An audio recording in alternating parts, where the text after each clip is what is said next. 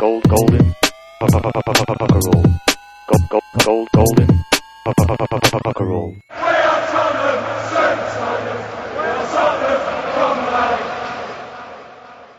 Det er en stor glede å ønske velkommen til en veldig spesiell eh, sending av Golden Cockerel. Vi sitter her i stua til Erik Thorstvedt. Eh, Velkommen til Golden Cockerel, Erik. Og det er jo Jo, takk for at jeg fikk komme. Tusen takk for invitasjonen. Og her sitter også Gunhild Tollnes og Petter Frydenlund og meg selv, Hans Marius Jacobsen. Um, og dette er ja, som sagt en veldig spesiell sending. Det er jo første gang vi har med en, eh, en eh, ekte Tottenham-spiller. Det er stort for oss. Og det er, En avdanka Tottenham-spiller. Det var en annen måte å si det på. vi må jo kalle deg en, en Tottenham-legende. De tenkte å har, det. de har vel en sånn greie i England der de sier at eh, It's better to be a has-been than it never was. uh, så jeg er jo i kategorien, kategorien has-been, men, eh, men det er jo uh, ok å, å, gå rundt med den følelsen at du har spilt for klubben. Det var vel i noen år at jeg på en måte om ikke fortrengte det, så var det i hvert fall litt sånn at du skal alltid se videre. liksom. Du blir opptrent at du alltid skal ha nye mål og nye greier her i livet. Og da forsvant det litt sånn på eh, bak i rekka, men eh, jeg har lært meg virkelig sette pris på det. Eh, å være en del av det 125-årsjubileet syns jeg var fantastisk. Å gå ut på banen der og eh, være en del av Tottenham-familien og se alle flagg og, og hele pakken. og, og har òg unger som er godt oppdratt til å holde med lag. Og det er enormt kjekt å ha noe sånt som er felles. da Noe som virkelig virkelig binder sammen. Og vi har peilt oss inn på Liverpool-matchen eh, nå i midten av desember. Da skal vi ut på tur og, og se den og sammen med ungene og sånt. Det syns jeg er veldig stas. Kona får ikke være med. Hun må holde seg hjemme. Vi skal snakke mye om eh, Vi skal spørre Erik spørsmål som vi har eh, på vegne av lytterne våre, som vi har stilt på Facebook. Og vi skal høre litt om eh, din tid i Tottenham, hva du mener om Tottenham i dag. Og vi skal ha litt, eh, også litt mer alvorlige diskusjoner i dagens sending. Men vi pleier eh, som alltid å starte med en runde rundt bordet hvor vi tar opp eh, det som har skjedd den siste måneden. Hvor vi velger en opptur og en nedtur. Og sist sending for oss, det var vel når vi, skulle spille mot Sheriff, tror jeg, i Europaligaen. Og etter det så har det gått mye nedover. Det har gått, vi har sikkert noen høydepunkter å, å velge blant. Så jeg vet ikke, Erik, om du Ja, altså, Opptur er nesten fælt å ta, kanskje, å ta det, for dette, det ble jo tap. Men mot Newcastle så var han faktisk god. Eh, da jeg har eh, Det der offensive spillet til Tottenham plager vettet av meg. Eh, det er altså eh, så stusslig. Men eh, ironisk nok, i en kamp der han spilte Der han skåret null mål, så, så var han faktisk eh, veldig bra. Mye bedre enn jeg har sett eh, eh, mesteparten av denne sesongen. Og det var en traff bare en Tim Krul som hadde sitt livs match. rett og slett. Han spilte til tider på børsten, klokkeklart. Men, men det var eh, i hvert fall noe som ga meg et visst håp om at eh, det er ting på gang. Eh, nå varte vel kanskje ikke det håpet som eh, all verdens. Men eh, jeg syns eh, Jeg prøver på en måte alltid å se liksom, hva retning tar dette oss videre. Det er mange kamper igjen, og hva signaler gir det for resten av sesongen. Og det ga meg signaler om at kanskje vi er i ferd med å knekke en form for kode her, da. Men, men det eh, Det Ja. Det, Den var kanskje litt dum, den landslagspausen som kom akkurat da. Kanskje det, du alltid liksom greier å, å Det var vel en, en, en var det eh, Graham Taylor, som engelsk landslagssjef, som skyldte på at eh, pausen en gang Det var dumt at pausen kom. Eh, den kommer jo som regel i en fotballkamp, eh, så jeg kan alltid finne, finne greier. Men eh, de har jo eh, ja, vet ikke, Skal vi dypdykke, kaste oss rett ut i hele den problematikken, eller er det noe vi skal Vi kan eh, litt tynt vi, vi, kommer til, vi kommer tilbake til det, Ja. helt klart. Så, men du kan jo ta en eh, nedtur. Ehm, uh, en nedtur um, Ja, jeg vil kanskje si uh, Kjenne litt på den uh, rent personlig òg. Altså, du har Hugo Loris som er kaptein på Frankrike.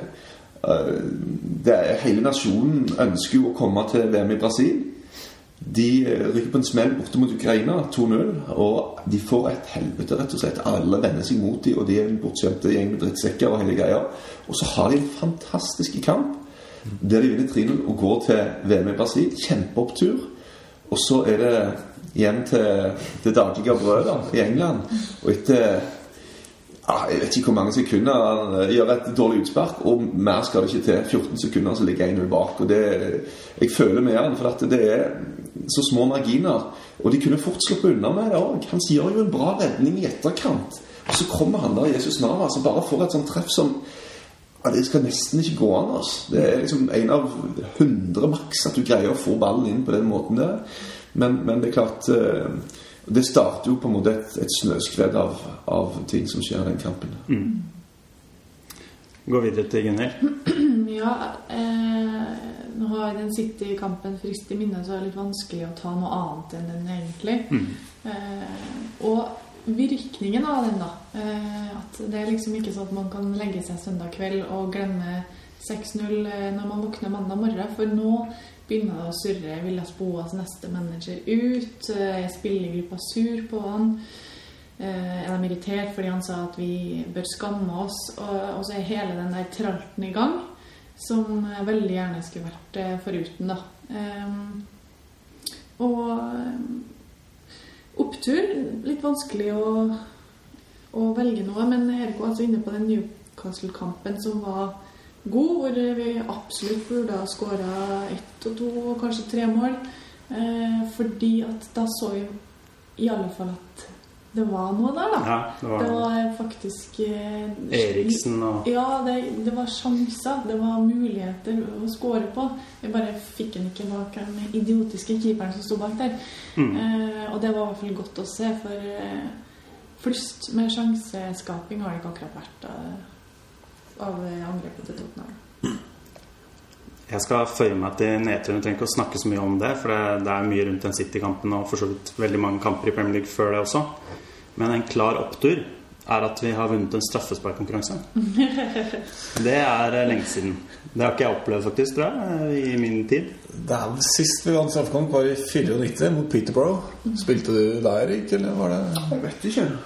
Nei? Mot Peterborough? Var det på høsten, eller var det på våren? Det var Hvis det var på høsten, så spilte jeg sannsynligvis ikke, for det var etter VM, og du hadde operert skulderen og masse sånne eh, greier. Men Så- det var FA Cup-kamp, var det ikke det, Gunhild? Det var Ian Walker som spilte, tror jeg. Fordi, Hvis det var, hvis det var FA Cup, så var det vel på våren, da. Jeg tror også det var stemmer det. Fordi at jeg tror Ja. jeg fant ut at de to keeperne som har redda Tottenham i straffespark siste gangene, er Brad Fiedel og Ian Walker. Som er liksom Ja, jeg innbiller meg det. Og Tony Parks. Da må vi lenger tilbake. Eh, gode mener. Mm. Det var i hvert fall eh, Det var litt morsomt. Ja. Mm. Ja. Jeg sender den videre til Petter. Ja, du har egentlig oppsummert akkurat det jeg skulle si. Uh, City-kampen, åpenbar eh, nedtur. Og det, det med straffekonken, som det er vel syv straffesparkkonkurranser med tap på rad siden 94. Eh, mot Forrest, Middlesbrough, Liverpool, PSV Eindhoven og Gomez sto i mål. Eh, Manchester United på Wembley, Lia Cup-finale. Og da Basel og Stoke forrige sesong. Det har vært syv straffesparkkonkurranser altså, som vi har, eh, har ryket på. Endelig så fikk vi, så fikk vi en seier der. Det var, jeg var faktisk i, i Australia, eh, så den gikk midt på natta. Så jeg fikk ikke, fikk ikke sett kampen. Men uh, når jeg våkna og så det ble straffekonk, så tror jeg jeg ble lykkeligere enn jeg hadde sett i hadde vunnet 5-0. Altså, for det var deilig å få dem unna. Gold, gold, gold, golden. Vi kjører videre i sendingen, og så skal vi få noen spørsmål fra våre lyttere, som vi har bedt dem stille på Facebook. Og da har vi litt forskjellige her, da. Erik, du, du svarer på det, på det meste, regner jeg med? Ja, det er litt skummelt dette her plutselig. Ja, vi kommer Så eh, litt spørrende på meg der, så vi får kjøre i vei. Det er ikke så, er ikke så halvgærent. Det er, det er mye om eh, Egentlig mye om eh, årets lag, og, og litt om din tid også. Lars Erik Eriksen fra Trysil. Han spør hvordan det var å komme til Tottenham, hvordan du ble mottatt, og hvordan var miljøet og nervene og sånn på akkurat den første stunden. da. Jeg hadde òg vært i, i Tyskland et par år, og der var det nok eh, For det første var det språkmessig en utfordring å komme inn, og så var det litt mer eh, det var et mye tøffere miljø i Tyskland. Det var, en, eh, det var et hierarki, veldig klart hierarki internt i laget. Um, de har en ekstremt høy toleranse for konflikter i, i Tyskland, så det var mye krangling. Eh, veldig imponerende at de greide alltid å legge det fra seg når de gikk ut på banen og skulle prestere. Det synes jeg alltid var imponerende. Men når du kom inn i Tottenham, så var det mye mer sånn Mye bedre og lettere, løsere stemning, da. Um, og det var liksom Alle var på en måte på, en, på lik linje. Ok, du hadde læregutter og sånne ting, men av, av de proffene så var det liksom ingen som selv om noen var større stjerner enn andre, så, så kjentes det ikke sånn ut på treningsfeltet. Da var alt eh, Men, men en veldig sånn løs uh, stemning. Og jeg skulle jo merke det etter hvert at uh, jeg syns jo det var en klar forskjell i profesjonalitet på den måten at i, i Tyskland så var de veldig nøye med hva du spiste og drakk. Du ble veid eh, flere ganger i uka, du måtte skrive det opp. og eh, mens, eh, og hvis du ikke presterte på, på trening i løpet av uka, så var det ikke sikkert du fikk være med på lørdagen. Altså Du måtte være god på trening. I England var det mye mer snakk om å bare holde seg i gang. Liksom Bare, ah, bare holde på, da. Eh, Vi trente jo med sånne sånne rare, lave mål som rakk meg til ca. navlen. Som jeg da skulle stå i. Altså, du sto i sånne lave Jeg forstår liksom aldri pointet. Hvorfor det? da? Uh, it's to make them keep the shots low. Altså, Det er bare sånn latterlig. Jeg, Sånn. Jeg har til og med opplevd å bli lobba i et sånt mål, og det er nedverdigende. kan jeg gjøre det. Er billig. Eh, Så, eh, men, uh, men det som du merket i England, som var det som står ut, er jo denne Altså, det var så, til og med på, på kampdag da, så var alt sånn eh, Holdt på med billetter og tull og tøys og veldig løs stemning. Og så går de ut til oppvarming, og når de kommer inn derfra, så er det akkurat som å slå på en bryter. altså. Det var, det var helt enormt. Denne ekstreme fighting spiriten, seiersviljen som de hadde, som de omtrent kunne bare slå på, det var ganske fascinerende å se. Og det som jo er fordelen med det, er at du ikke forbruker så mye energi i forkant. Vi nordmenn var jo litt sånn stille og rolige og gikk og bekymra oss litt og var litt nervøse og sånne ting. Og det er klart at Da tabber du òg deg sjøl litt for energi. Engelskmenn er enormt flinke til å være kule og relaxed helt til du faktisk skal, skal prestere. Så det var en enorm, eh, enorme fascinasjon med de britiske spillerne. da. Men de hadde mye å gå på når det gjaldt eh, måten å trene på, måten å, å leve på utenfor eh, banen. Og det var jo først og fremst utenlandske om ikke spillere, så i hvert fall når trenerne begynte å komme. Altså en Wenger, og så kom den ene etter den andre. og og var med å få denne greia der litt sånn på rett kjøl. For det trengte de, altså. Virkelig. Jeg har en parallell til neste spørsmål, faktisk. Eh, For en som spør, Det er Jarle Bolstad fra Bergen. Han spør litt om, om du tror AVB har et alkoholregime i Spurs i dag, og hvordan det var på din tid. Han eh, husker tilbake noen bilder av King, Lelly King når han var skada. Han kom ravende ut fra en nattklubb. Eh, Som ble trykt i avisene dagen etter. Jeg tror det er fullstendig natt og dag i forhold til hvordan det var. Altså Det var tusen ganger verre før. Av alle syke ting så fant jeg hadde nettopp en sånn opprydning her. Altså Da fant jeg min første kontrakt med Tottenham som jeg ikke visste jeg hadde engang. Og der står ganske en del sånne eh, kule greier. Og der står altså annet at eh, du får ikke drikke alkohol eh, mindre enn 48 timer før kamp. Og det var og, Men så lenge du ikke gjorde det, så var det greit. Altså, um, og, og det var liksom eh, Jeg bodde jo på hotell med Gasser og Paul Stewart og Paul Walsh og sånn med en gang jeg kom over. Og det var jo et sjokk for systemet. Det må jeg innrømme. Gasser hadde jo da 15-20 champagneflasker i uka på uh, hotellregningen sin, som klubben betalte. Og han drakk jo ikke alt dette sjøl. Han hadde jo kamerater fra Newcastle som sov på gulvet på rommet hans til hver tid. eh, som var med å, å komme seg gjennom denne flaskesamlingen. Men, eh, men bare det at, på en måte, at klubben altså, var med og dekte disse utgiftene, det er jo helt sykt. Og eh, det er klart at eh, der var det Vi hadde også Tony Adams eh, eh, Legg merke til at jeg holder et sånn kors opp med fingrene når vi nevner navnet på Arsenal-spillere eh, i, i Premier League-studio, og, og hvordan han fortalte at hvor mye han drakk. Og så lenge det var én kamp i uka, så gikk det greit. For han var dritings hele helga. Altså etter lørdagen så var han altså begynte ikke å bli edru før eh, godt utpå søndag natt. da, Natt til mandag. Og så lenge det var ikke kamp igjen før neste lørdag, så gikk det greit. Men med en gang det begynte å komme kamp igjen kanskje på tirsdag og onsdag, så, så greide han etter hvert ikke å hente seg inn, og da ble det et skikkelig problem for han. Så ehm, det, det var Men det å komme på trening, f.eks., det var ikke noe problem? Altså det, og det skal de òg ha. Altså, det helt fantastisk å se hvor mye de kunne drikke. Og dagen, dagen etterpå på trening så var det bånn pinne, full rulle. Jeg har sett Gassa det siste han gjorde før han gikk utpå, uh, var å stå og spy. Jeg er sikker på at han var full når han spilte. Det er ikke tull engang. Han skåret to fantastiske mål på Peter Shilton. Uh, som lå som en pil gjennom luften. Ikke en veldig lang pil, men en pil. Uh, og eh, de hadde den der Det går litt sånn med gutsen, da. At de på en måte De brydde seg ikke. De hadde en egen veldig evne til å tåle eh, mye drikking. Og så hadde de òg denne greia med at vet du hva, når jeg går utpå her, så gir jeg gjerne uansett. Sykt. Oddbjørn Årli fra Oslo han spør litt om Venstrebekk-situasjonen i klubben i dag. Han eh, spør først og fremst hvordan det går an, til å- det går an å låne ut Ekotto.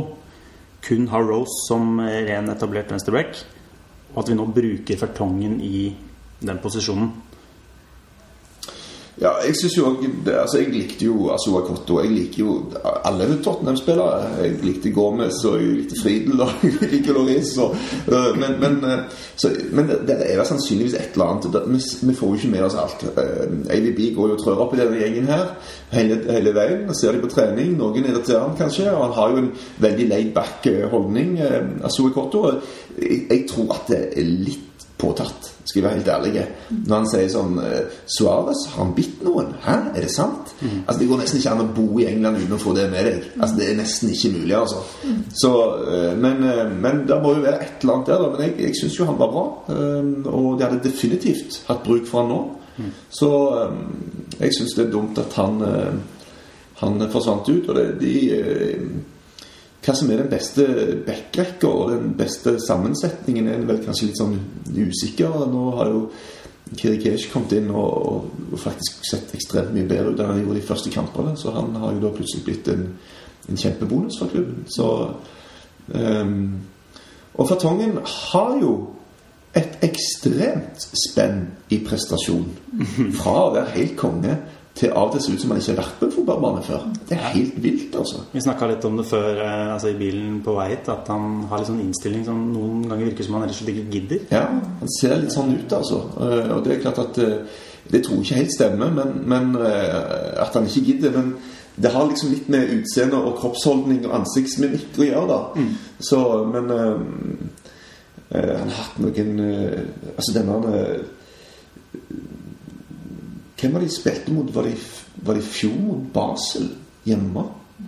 Eh, Det var vel forrige sesong? han ble utvist eh, denne kampen mot Basel. Ja, det, var i hvert fall altså, det, det var enkelte der som så ut som de, de, de, de altså, Det var første gang jeg hadde tatt på seg fotballsko. Altså. Det var helt sykt.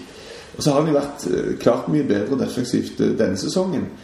Eh, men når du når du skårer lite og slipper inn lite, så går du bare og venter på at det skal løsne offensivt. Men sjansen for at det skal rakne defensivt, er faktisk akkurat like stor. Og det viser seg jo akkurat nå nettopp, da.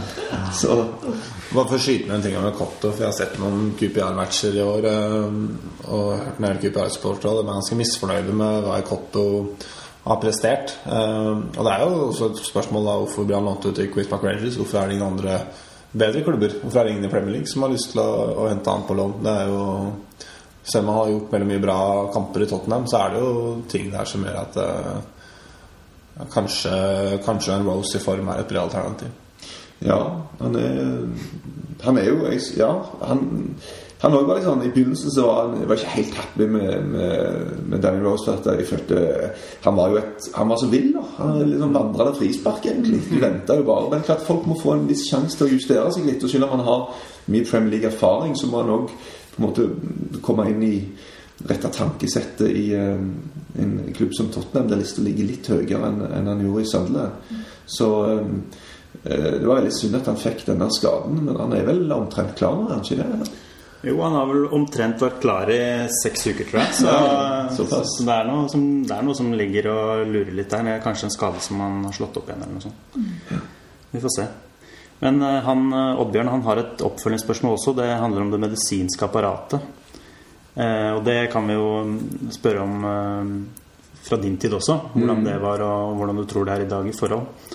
Eh, han spør jo i forhold til den skaden til Rose hvordan hvordan kommunikasjonen kan være så, så latterlig som han sier. At de går ut og sier at det er en to ukers skade, og så har han vært ute i to måneder nå. Ja, men det, det er klart at det kan skje ting underveis, og så, og så er det ofte at de ikke alltid vil slippe ut at han har prøvd seg på trening og slått opp igjen. og sånn, Det er kanskje ikke noe de sier. De bare liksom bare ligger og sier at han ikke klarer ennå. Men, men det er klart at det medisinske apparatet er jo overveldende mye bedre nå enn det det var før. Eh, til og med på akademiet så er det sannsynligvis 20 ganger bedre enn det var på A-laget mm. tidligere. Den gang så var det jo sånn at eh, det var mye kjennskap og vennskap, rett og slett. Altså. Så hva kjente du eh, En manager som du greide å huke deg på, så, eh, så fikk du jobb, og det var jo kanskje ikke engang eh, han vi hadde, som var the main man på et tidspunkt, han var faktisk ikke fysioterapeut. Altså, han hadde bare et sånt kurs. Han var ikke kvalifisert som fysioterapeut. Um, og eh, Nei, det var Jeg må innrømme det at eh, noen var jo bra. Vi fikk en jeg husker vi fikk en, eh, en veldig bra fyr som kom rett fra skolen. En unge. Han var veldig oppdatert og på hogget. Og så gikk det ikke lang tid før Chelsea henta han. Så han forsvant ut av systemet igjen. Eh, Men, men det var jo sånn at når det var landskamp, så var alle vi som var proffer i England, vi var sånn Yes, endelig hjem og få en eh, good opinion på hva dette greiene her egentlig er for noe. For at det, det var Skandinavisk sportsmedisin var rent for å være veldig veldig langt framme, og de var flinke, de vi hadde på landslaget og, og sånne ting. Så jeg følte at det var ofte ekstremt mye bedre enn det vi fikk, eh, fikk borti England. Snakka om det med Steffen Iversen eh, eh, tidligere i år. Og da sa han at eh, han gikk inn til eh, legene sånn i Tottenham for, for behandling for en skade. Og sånn ja, de satte noe et eller annet i meg med en sprøyte. Ikke vet jeg hva det var. Og Nei. ikke fikk jeg svar da jeg spurte. heller. de sa slapp av, det ordner seg, og frisk ble jeg. Ja. Så Ja, liksom hjelp, hva var det egentlig Ja. du fikk? Og sånn hestekur av noe slag? Eller Ja, det, var ikke noe, det var vel kortison, går jeg ut ifra. Så, men vi hadde jo noen sånne du vet, Det er sånn moter og inngreier, så kommer det et nytt apparat, og så skal det det som gjelder. som hadde jo noen sånne greier. altså Det var sånne gigantiske, svære greier som vi kom omtrent måtte ha to mann for å komme rullende inn. Og så med sånne eh, eh, nærmest sånne fangarmer som du på en måte bretta ut og satt på hver side av kneet. Men vi drev jo og kødda med at vet du hva, sannsynligvis er det absolutt ingenting i det apparatet. Det er helt tomt. Det er bare et skall. Så setter de bare dette greiene på knærne for at vi skal tro vi får et eller annet. Funka jo det i hvert fall ikke. Vi tar siste spørs spørsmål. Det er fra Roger Thomasrud fra Drammen. Han spør hvordan følelsen var å putte hendene i hanskene etter gasset er leverte. Det var jo eh, moro, det. Eh, det pleier jo å si at det ble jo veldig bra grep, og det var det viktigste. Så, eh, men det var jo sabla mye eh, kødd og rør eh, på trening, og, og mye av det var veldig morsomt. Men en god del av det var rett og slett eh, langt over streken. Eh, og jeg tror jo helt seriøst at vi som lag ikke var så gode som vi kunne ha vært pga. manglende disiplin, pga. måten eh, vi av og til behandla hverandre, rett og slett. Eh, og eh, som jeg sier, noe av det var eh, morsomt, men en del av det var bare sånn altså, Og det gjelder ikke bare fotballspillere, det gjelder engelskmenn, unge engelskmenn på tur. Det var jo, Hvis du ramla borti en sånn gjeng i Syden, så gikk det jo ganske vilt for seg. Men, men klart, jeg husker vi var i Barcelona en gang spilte mot Español eller et eller annet. Jeg husker ikke hva det Vi var i hvert fall nede der, og det var en, en spansk Tottenham-fan som hang seg på og syntes dette var superstas. Uh, og de andre spillerne ble etter hvert litt sånn ah, litt sånn halvleie, så de tok han bare ut for å banke sånn, altså, hvorfor gjør du det, liksom? Uff, må dere gjøre det, da? Og det er liksom sånn åh.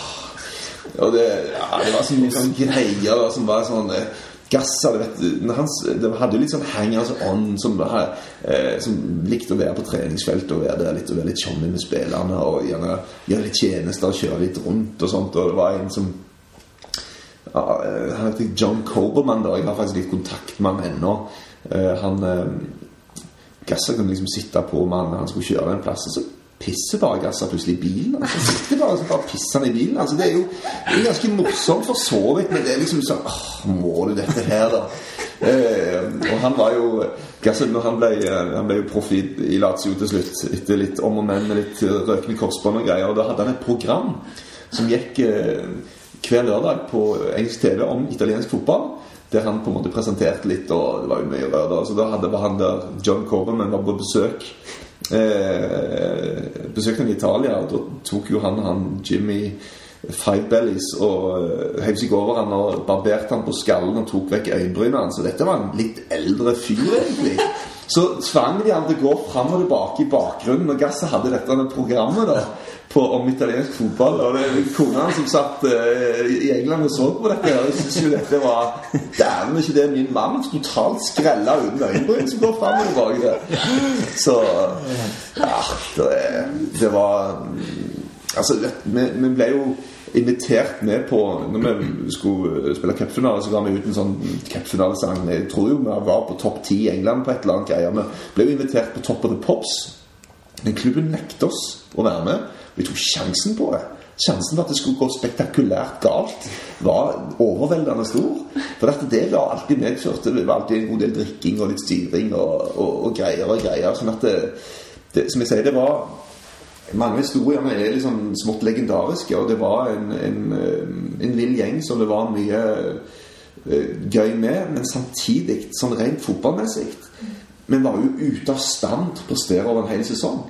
Vi var i stand til å heve oss under spesielle omstendigheter og ganske gode i cupene. Men, uh, men seriemessig så var vi jo sjanseløse, for at det var ikke nok stål i denne ryggraden. rett og slett Det var ikke god nok disiplin. Det var for mye rør. Mm. Hjalp vel ikke heller at daværende manager Terry Venables var nattklubbeier? Nei, altså han var jo en sånn fyr som sa at 'you can't change players', sier han. Han var jo en spillende sin mann. En veldig bra fyr som fikk folk med seg. Men samtidig syns jeg da at det var eh, litt for eh, Litt for løssluppent, rett og slett. Altså. Jeg fikk med et spørsmål uh, på vei ut døra fra samboeren min, som, som sikkert er aktuelt for, uh, for flere av oss. Og det Spørsmålet hennes var hvordan rettferdiggjør du fotballinteressen overfor kona di? eh, nei, altså hun, hun, hun, har en sånn mantra som er 'fotball er oppskrytt'. Så hun er jo ikke interessert uh, i det hele tatt. Men det er jo basically altså jobben min. Jeg må jo, Og det å være, jobbe i sånn TV 2 sine Premier League-sendinger og sånne ting det medfører faktisk ganske mye jobbing sånn i løpet av uka. Da, for du må være ute og lese i engelske nettaviser og holde deg litt oppdatert. For den gjengen som ser på, har så sykt peiling. Mm. Så avslørt på et eller annet, det blir det før eller senere uansett. Men, men, det er greit å være mest mulig oppdatert. Men jeg, jeg, prøver jo å kanskje ta opp kamper og se det når det passer liksom litt sånn greiest eh, familiemessig og, eh, og litt sånne ting. Men eh, heldigvis har jeg jo disse kidsa som òg er fotballinteresserte. Så det kan vi rotte oss sammen og si at det er kvalitetsfamilietid likevel. Da. Så ja. Takk for tipset.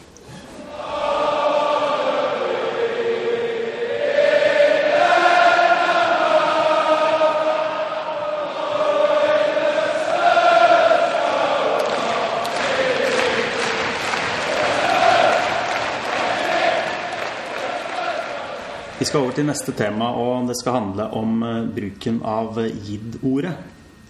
Eh, det er jo sånn i år at FA før sesongen gikk ut med mm, et eh, rundskriv hvor de listet opp flere ord som man kunne risikere å bli straffet for å bruke på tribunen.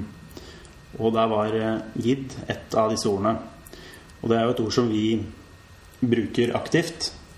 Uten at det mm. har noe, noe hatintensjon bak seg. Men Petter, du kan jo fortelle litt om historien til ordet og Tottenham. Ja, altså Selve ordet Jid betyr jo Det er jo egentlig Jiddisch er jo egentlig et form for et jødisk språk. Og Jid har etter hvert også vært et kallenavn for, for jøder, og etter hvert da Tottenham-supportere. Det var på 70-tallet at dette mye av det startet. Spesielt eh, da andre London-rivaler, Arsenal, Chelsea og Western, brukte Yid som et skjellsord overfor eh, Tottenhams supportere. Eh, med da bakgrunn i at ganske mange Altså relativt sett kanskje ikke mer enn kanskje 5-10 men likevel større enn kanskje de andre klubbene, av tilhengerskaren var da jødiske. Det handla om at områder i nærheten av White Hart Lane hadde en del en jødisk innslag både i East End, nedover toglinja fra, fra White Hart Lane og nedover der. Spesielt Stamford Hill er jo altså, i dag også kjent som et uh, område med masse ortodokse jøder. Så det var egentlig sånn det begynte. Og den gangen var det jo ganske mye rasisme dessverre på tribunen også. Eh, Og Tottenham sitt svar på dette ble jo da å bruke id som et som slags badge of honor. At man tar ordet selv. eh, Sånn som nigger f.eks. blir brukt i en del rapplåter i USA. At man da ufarliggjør et ord ved å, ved å ta det til seg og bruke det selv. Og det har da Tottenham-sportere gjort uavhengig om de er jøder eller ikke. At alle har stått sammen og vært ja, vi er jids, og jids betyr at vi er Tottenham-supportere. Eh, og det har jo egentlig Mange vil jo påstå at det har fungert bra i, i mange år, men så har den debatten da blussa opp nå de siste, siste årene, og det har vært en del personer som ikke har noen tilknytning til Tottenham, som mener at, eh, at dette ordet da bør, bør forbys eh, på fotballtribuner. Erik, jeg kan spørre deg om du hadde noe forhold til det begrepet når du spilte for Tottenham? Ja, altså Jeg visste jo eh, hvorfor det ble brukt, og, og hørte det jo stadig vekk når du òg var, var ute på det. Og jeg må jo si at jeg alltid har sett på det som en, som en positiv ting. Det å, å greie å snu et eller annet som i utgangspunktet er rasistisk, til å faktisk bli noe positivt, er jo ganske bra gjort, egentlig. Så jeg må innrømme at jeg er litt øh, opprørt og provosert over hele den diskusjonen der. Eh, Det er veldig vanskelige og, og litt sånn sensitive ting å snakke om, fordi at det er Kultur endrer seg òg, da. Altså, det må vi være klar over. At vi må på en måte være med og være villige til å endre oss litt i forhold til disse tingene her. Og, og det som John Terry f.eks. Eh, vel ble dømt for å ha sagt til Anton Ferdinand Altså, det, det, det hørte jo det, det, begrepet der, det føyk jo gjennom lufta på treningsfeltet hele veien når jeg var der. Det var liksom sånn Det var bare omgangsformen. Det var tonen, sånn som det var. Eh, Men man må jo se at det er faktisk ikke greit å si, og det må vi innstille oss på at sånn er det.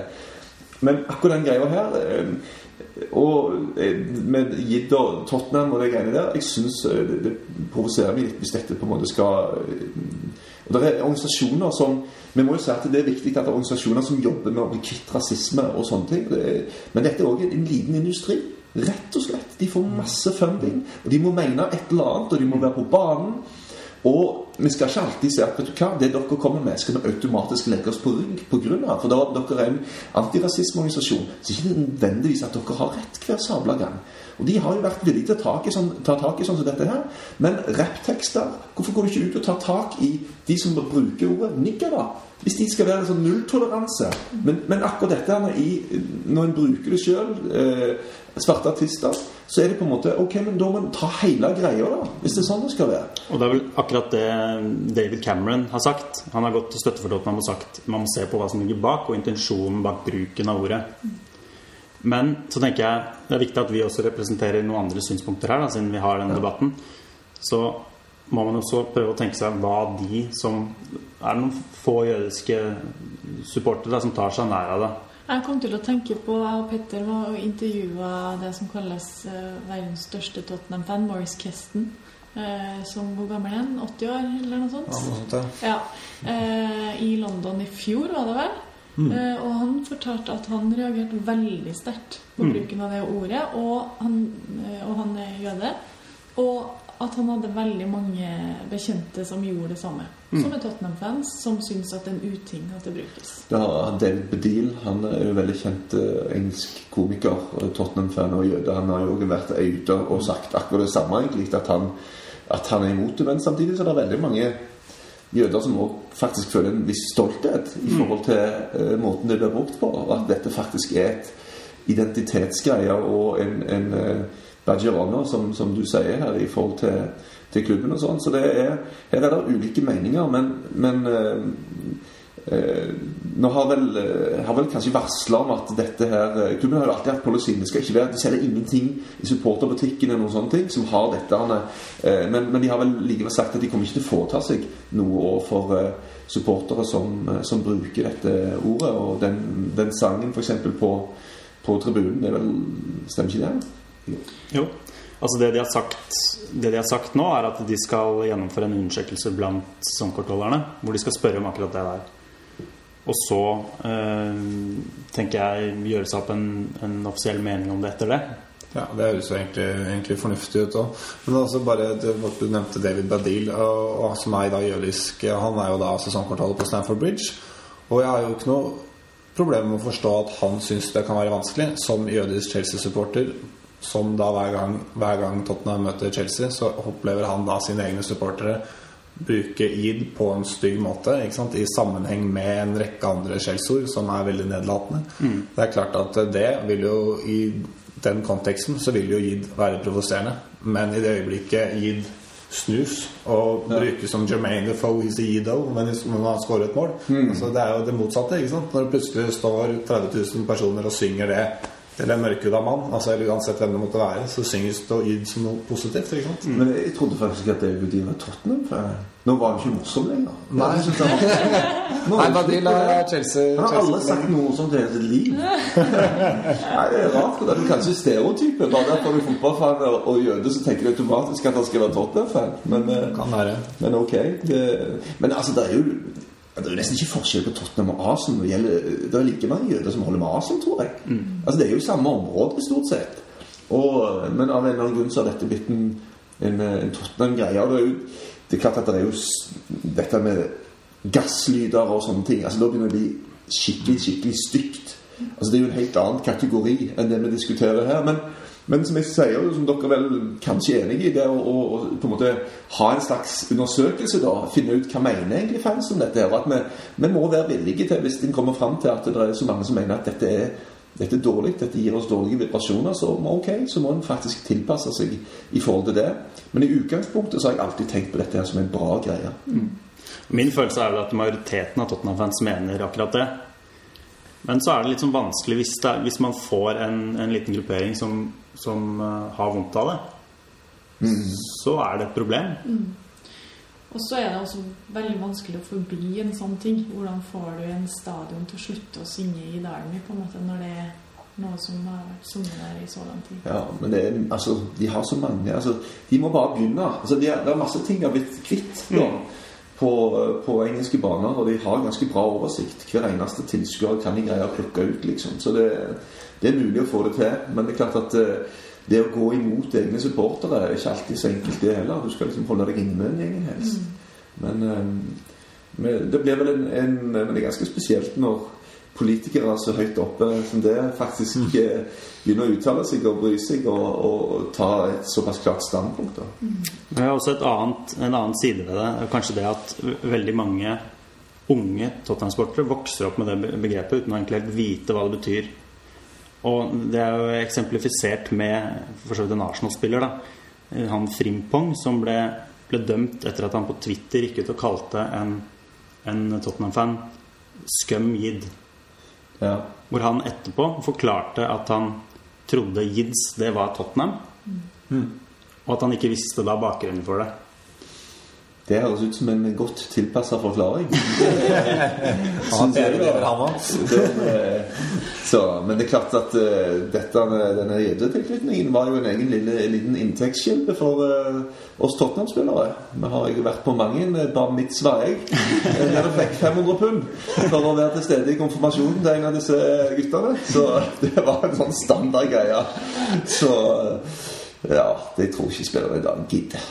Men fikk dere For jeg har sett annet et klipp som er lagt ut på YouTube hvor annet Townsend eh, står og synger 'Stand by me' i garderoben etter en ungdomskamp. Dette er et par år siden. Og da avslutter den videoen med å rope 'Yield Army' unisont, hele da ungdomslaget til Tottenham. Og det blir lagt ut på YouTube og blir kjempehit. Mm. Men så går Tottenham inn og fjerner de siste ti sekundene av videoen, sånn at det 'Yield Army' forsvinner. Så de har tydeligvis da fått beskjed om at det, ikke, at det er et ord de ikke skal bruke utad, i hvert fall. Var det Ja, noen sånne restriksjoner for dere? Jeg kan ikke huske det, altså. Ehm, Jeg kan ikke huske at vi sang eh, i fellesskap. Men da var det kanskje Så- ganske mye verre på tribunen i utgangspunktet også. og Det var ganske mange andre problemer også på den tiden. Ja, det var jo det. Ehm, altså, det var jo helt umulig eh, for ei dame å gå rundt banen, f.eks. Altså uten å få det mest utrolige slengt etter seg. Så, så de har, en har jo gjort en kjempejobb. En har eh, eh, Det å være fotballsupporter det bringer ofte ut det beste og det verste i folk. Og det er, det er klart det å få familien til spillerne å sitte på stadion og se på kunne være en prøvelse. For eh, typen din fikk mye dritt, altså. Det, jeg gjorde det. Så, men, men, eh, men ok. eh, Her snakker vi ikke bare om at en, en, eh, single ut spillere for litt drittslenging. Dette handler jo om noe såpass alvorlig om rasisme eller ikke rasisme. Og det er liksom vel verdt å ta en, en grundig diskusjon, men jeg syns ikke en automatisk skal legge seg på rygg bare derfor noen drar det der rasismekortet. Det, det, skal, det, det må man i hvert fall snakke litt sånn grundig om og finne ut eh, hva det er som gjelder her. Men sånn i forhold til altså, tribune og ting var tøffere før videre. Jeg så annet et klipp nå fikk lenge siden fra som vi spilte borte mot City, Main Road i 93, tror jeg. Hvor det da ble en banestorming. eh, Jeg vet ikke om du spilte den kampen eller om du satt på benken. Men, eh, Jo da, jeg var med da. Og en av grunnene kanskje til at eh, altså, Det var en sesong der vi slo City fire ganger. Det er ganske show. Eh, hjemme og borte i serien. Ut av ligacupen, ut av FA-cupen. Og vi, vi leda ganske klart i, den FA-cup-matchen, tror jeg det var. Og så fikk de et mål på slutten. Av en eller annen grunn så syntes de det var så stas at de bare storma banen der og da. Og da kommer det en fyr opp og sparker meg i ræva. eh, En liten engelskmann. Og så var han jo såpass liten at jeg fikk tak i han eh, rundt eh, halsen. Så var det bare for meg med å stå armen rett ut. Han prøvde å sprelle og slå meg så godt han kunne. Han var sjanseløs. Så eh, da kom jo politiet og eh, fikk tatt hånd om han. Og eh, kampen ble jo stoppa, og banen måtte ryddes. Og mm, vi gikk jo inn i spillertunnelen, og da fikk jeg jo se hva engelsk politi faktisk er i stand til. For de skambanka de folka noe så grundig. Altså. De fikk juling så det holdt. Og etterpå Han ble jo faktisk tiltalt, han han duden som hadde sparka meg i ræva. Det gjør vi ikke ustraffa, kan jeg love deg. Og eh, jeg fikk til og med brev fra ham der han ba om unnskyldning og la seg helt flat og sa at dette var totally out of character og, og ditt og datt. Jeg, ikke, jeg ble aldri bedt om å vitne eller et eller annet sånt. eh, Så, men, eh, men eh, han fikk en form for straff, i hvert fall. Men eh, han angra dypt. Så jeg har tilgitt han i mitt hjerte. ble du noen gang redd i sånne episoder? Nei, overhodet ikke. Eh, Men jeg husker etter den der greia mot City der, så var det en sånn Vet du, De engelske tabloidene kan komme opp med det utroligste. Jeg tror det sto 'I feared knife maniac'. Og det var liksom jeg sitert på at jeg var redd at det skulle komme inn og stabbe meg. da Og det er ikke det samme eh, å bli sparka i ræva som å ha Charles Manson i hælene. Altså. Det er ikke, ikke to sider av samme sak. Så det følte jeg nesten var litt sånn pinlig at det sto i avisa. Husket du hva du egentlig sa, da? Eh, nei, eh, gjør ikke det. Eh, vanligvis altså, De pleier jo ikke også eh, å være sånn totalt de, de pleier som regel ikke å finne på ting, men de er ekstremt flinke til å ta ting ut av sammenheng og flikke bitte litt på det her og der, altså. Men, eh, men eh, også ofte kanskje eh, Hvis du bare spør Did you fear a, guy with a knife? Well, it could have maybe have happened, but Altså, det er nok, det. Sant? Så Men, men det å Ja, kanskje det skal være eh, den gode karamellen å suge på etter 0-6 mot City. Slått i fire ganger på én sesong. Men eh, jeg fikk jo en slags déjà vu når jeg satt i studio også på dette Tottenham-debakkelet. Det var at jeg tenkte sånn Hekk, han har ikke vært med på det samme? Tapte ikke med nok 6-0 engang? Og så begynte jeg å tenke da, så jeg kunne ikke helt finne ut om det var en seriekamp eller noe sånt. Men jo da, så var jeg ute på engelske nett, eh, avis, nettavisider, det var, det sto det jo Der hadde de tatt med alle målskårerne og alt. Sheffield United, Tottenham 6-0. Sheffield United?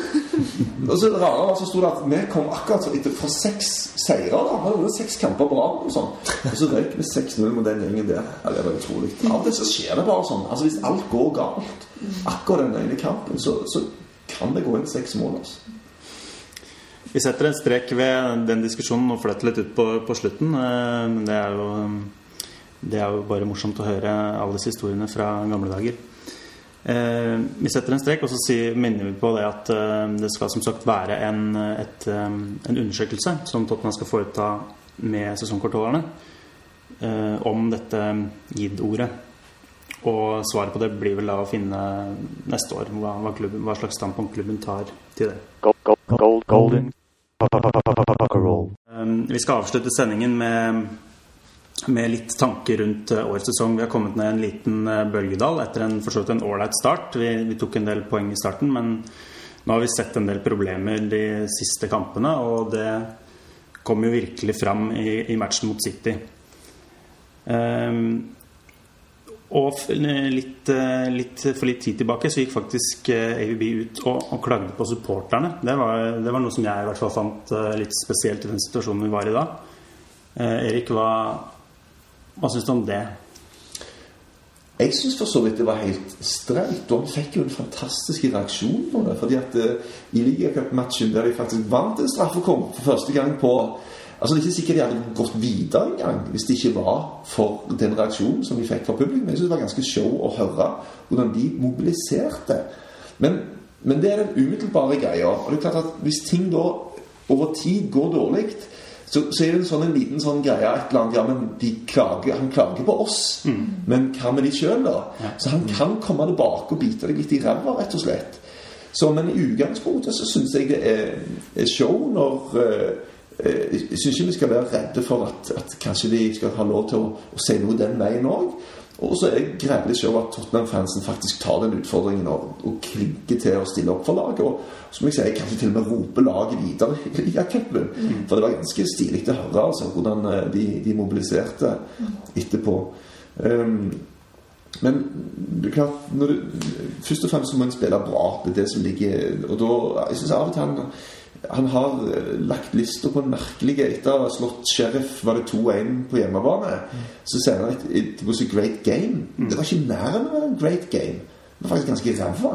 Så, så liksom det, alt sånn skurrer det bitte litt. Altså, hvor, eh, hvor legger han lista hen? Han, det er klart han må være positiv. Han må prøve å løfte laget.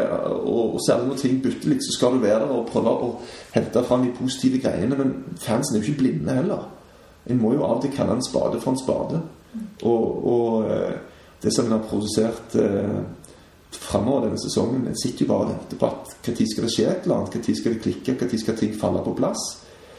Og foreløpig så, så har det vel gjerne bare gjort det ved et par, et par kamper, kanskje. Den, kanskje den Newcastle-omgangen, andre omgangen Ja.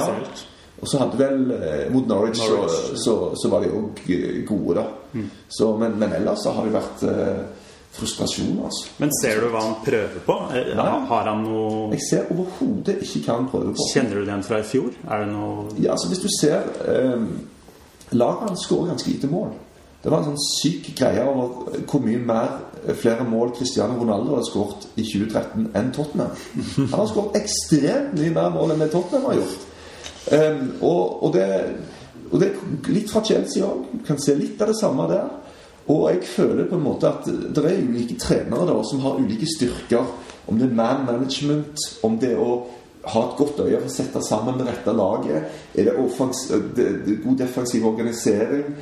Eh, og jeg kan altså rett og slett ikke se hva er det Tottenham egentlig prøver å gjøre framover.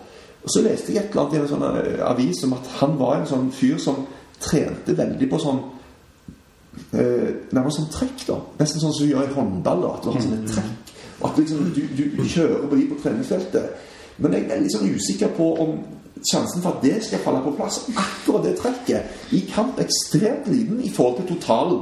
Sant? Og jeg har hørt trenere som, eh, som har sagt at eh, offensivt så, så gjør de nesten ingenting. For de har så gode spillere, og de, de lar de få lov til å utfolde seg. Og de lar de få lov til å finne hverandre.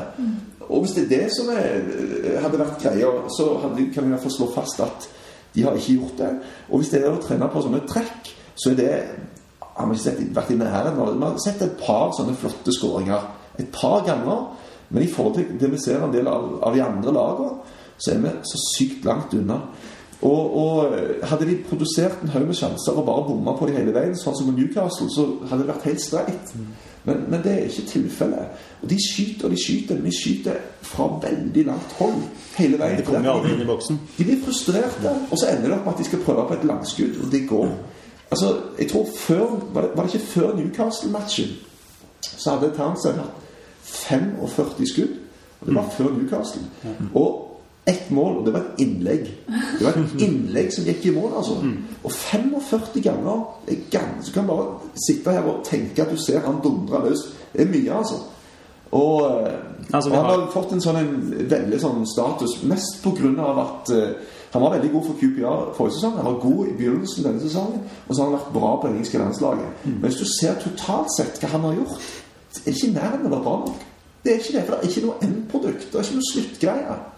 Det renner bare ut. Foreløpig er det jo ikke det, men Nei. vi har jo eh, Uten sammenligning for øvrig, så er jo en, spiller som Bale Det tar jo tid før, før det løsner der òg. Han, har jo- han skåra jo ikke mål i begynnelsen i noe særlig grad, heller. Så Nei det, jeg er jo ikke Jeg hører jo hva du sier angående Townsend, og jeg tror jo også statistikken taler for seg selv. At, eh, at det er ting som mangler på endproduktsida. Men det er jo likevel en mann der som kan gå forbi spillere, som er litt spennende i et ellers litt kjedelig Tottenham-lag. da. Og en spiller som hvis vi trenger et mål og det er fem minutter igjen, så vil heller at Townsend har ballen enn at enn at Holtby eller Ja, ja. eh, ja det er i. Og du kan se at, at eh, Gareth Bale altså Forskjellen var jo at han traff på de skuddene forrige sesong. Men jeg syns jo det er helt strålende avgjørelse å selge han og hente de spillerne de har gjort. For jeg mener at Tottenham totalt sett er faktisk mye bedre nå. Du må bare få det ut på banen. Og det er ingen garanti for at Gareth Bale skulle fortsette å pinge inn måler på den måten han gjorde forrige sesong. Altså Han kunne jo møtt veggen, han òg. Det vet hun jo aldri. Men det er liksom bare det at, at frustrasjonen over overhodet ikke å komme noen vei, bare ender opp med noen syke langskudd, som jeg går inn i ett av 50 tilfeller. Men er systemet til, eh, til AVB litt for rigid? Er det for, tror du han prøver å, å styre for mye? Som du sier at han prøver å trene inn disse trekkene og sånn. Er det Ja, det er mulig, men, men, men hovedgreia mi er liksom at jeg ikke Hvis Tottenham Hvis spurt altså, hvordan spiller Tottenham eh, offensivt, så kan du forklare det du ser. Men jeg greier ikke å forklare hva de prøver på. Nei. For jeg ser det liksom ikke. Um, og det, det er veldig, veldig Det at de slapp inn seks mål mot City, det, altså, du kan, det fikser de. Nå skal de ha United, og jeg er sikker på at vet du hva, da er de potte tett igjen. Det, det tror jeg på, altså. Jeg tror ikke noe har rakna bak. Jeg tror de greier å stenge igjen. Men, men jeg, at de skal greie å skåre mer enn ett mål mot Man United Jeg kan nesten ikke se hvordan i huset de skulle greie det. liksom Og det er morsomt, Petter, du sier et ellers kjedelig Tottenham-lag. Og jeg husker hvordan jeg tenkte eh, da Tottenham handla i sommer. Eriksen som det var så mye lovord om. eh, Lamela som eh, spillere som følger italiensk fotball tett, hadde så mye bra å si om. Paulinho, en spiller som for øvrig Jon Vik, spilleren til Molde, kjenner godt til og liksom ringte meg bare 'Det her blir så bra, Gunhild. Han er stjernespiller.' Paulinho må det være bra. Ronaldo, som på en måte skåra masse mål i Spania, har vært kjempegod der. Og så sitter du liksom «Ah, Kjedelig lag. Ja, altså, hva er det det- Får vi ikke dem til å funke sammen, det, men de har spilt kjedelig, men de er jo ikke kjedelige. Nei. Altså Tottenham syns jeg ikke altså, jeg tenker jo, De har jo denne uh, defensiv midtbane har jo fire dritgode spillere, syns jeg, da. I Capo, Palinho, Sandro og uh, Dembele. Um, og der kan de liksom trikse og mikse nesten som de vil, føler jeg. Og de skal på en måte gi en slags plattform til at de framme skal nesten få lov til å utfolde seg litt fritt. da men, men det har de ikke Det har ikke Det har, det har bare ikke greid det, rett og slett. Og jeg forstår ikke helt det der med Eriksen. For med en han kom inn, så var han dritbra. Og så henta Eivind han ut av laget. Plutselig så tok han ut. Og så fikk han ikke spille. Og så har han liksom gått litt ned siden det. Og Holby tror jeg faktisk at om to år så er ikke han i klubben lenger. Det tror ikke jeg heller. Eh, Men det er noe som, som jeg også har tenkt litt på. Det her med at spillere har vært veldig bra. Sånn, som Eriksen var god i sin første kamp mot, eh, mot Norwich. Palinho var ganske god i starten. I hvert fall langt bedre enn det, det han er nå.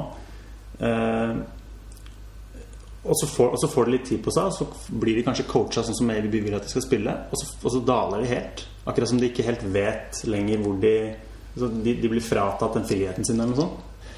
Ja, jeg, jeg vet ikke. Nå var jo Paulinho veldig veldig dårlig nå sist, sist mot City. Men han hadde jo da vært godt ute på tur og reist langt. Men han ser ut som han har bare sånn uh, uh, unlimited uh, tillit, altså. Han Ja, liksom nesten spiller uansett. Da. Men dette var vel en kamp som han kanskje i utgangspunktet burde kunne godt stått over. Men, eh, men jeg vet da søren. Jeg, jeg tro, har jo tro på at eh, eh, en skal greie å prestere bedre. For hvis ikke så går så ender dette i forferdelse. Da ender det med ny trenersparking og på'n igjen og hele pakken. Og det, Tror, tror du vi er nære den situasjonen? Nei, langt ifra. Jeg tror vi er langt, langt ifra den situasjonen nå. Veldig godt det. Eh, men, og, og det Dette må vi gi en, en fair sjanse, og får vi ta en liten oppsummering på etter sesongen.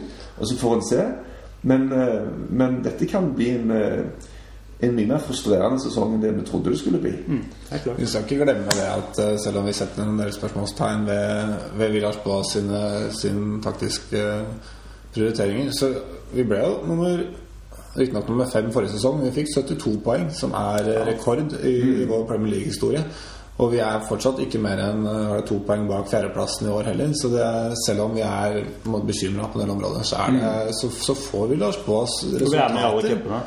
Vi vi får resultater, altså. Så, så ikke sånn som Erik sier, er vi er helt avhengig av å gi Når vi har brukt så mye nye spiller, penger på nye spillere, så må vi gi en manager en ordentlig sjanse. Å drive og sparke manager i øst og vest, det fører oss ingen vei. Jeg tenker litt på hvordan takler en det hvis eh, La oss si at eh, Tottenham får et dårlig resultat mot United igjen, så vil jo den eh, praten som så vidt er i gang nå, fortsette. Eh, og bookmakerne som setter opp odds på at han blir nestemann som blir sparka og sånne ting. Hvor mye ligger Chelsea-marerittet bak i hodet hans, tror du? Liksom Jeg tror ikke han bryr seg. Altså, det som er litt sånn betryggende, er jo at dette her er jo et eh, prestisjeprosjekt eh, litt fra, fra sier side. Når de gir Harry Redknapp fyken, eh, som var ganske kontroversielt, så, eh, så gir du den nye en, en, en, en fair sjanse, og kanskje vel så det. Fordi at eh, eh, da, da Det var altså det var å gå liksom midt imot så mye andre, med mye fansen sine meninger og, og sånne ting, at, eh, at eh, da, da skal det veldig mye til for at nestemann eh, forsvinner ut av døra kjapt. altså. Og um, han er jo Han har ikke trent lag så veldig lenge heller. Altså Totalt sett i antall sesonger så har han ikke så mye erfaring. Um, ABB, men eh, eh, han virker jo han er veldig klok. altså Øyvind Alsaker på TV 2 sier at han er det en han liker å snakke med, så er det han. For han er på en måte så genuin. da Han, han viser en interesse for deg, og han er ærlig, og han, han sier på en måte ting uh, uten så mye sånn eh, staffasje rundt, Uh, føler han i hvert fall. Men uh, det er klart at han må jo Det er en sånn balanse mellom det å backe opp gjengen og det å være ærlige, det å si at vi skammer oss, og vi burde i hvert fall skamme oss, det syns jeg er helt streit. Altså, noe annet ville være nesten en provokasjon overfor fansen og si at du hva, vi var uheldige og kunne like gjerne vært omvendt. Altså, det går ikke. Du må bare legge deg så flat som du bare kan, og, og så må du gå videre. Og heldigvis så viser jo all erfaring at sånne smeller, da, da slår en ofte tilbake i neste kamp. Altså. Ja, det er kanskje bra at vi møter United og ikke Stoke. Var det ikke det her sa i dag? Han vil heller møte United eh, etter en sånn match. Nå har vi Tromsø på torsdag mm, først, da. Ja. Jeg tror vi eh, runder av sendingene, og så sier vi tusen takk til eh, Erik for eh, både for gjestfriheten og for eh, en veldig bra sending og et bra bidrag. Takk for uh, pizza og Pepsi. På gjensyn. Hva er det vi pleier å si? Gi det armen? Det, er- Nei, nå- det var ikke lov. Det var ikke lov. Come on, you Spurs! Gold, gold, gold, golden. Gold, gold, gold, golden. Roll.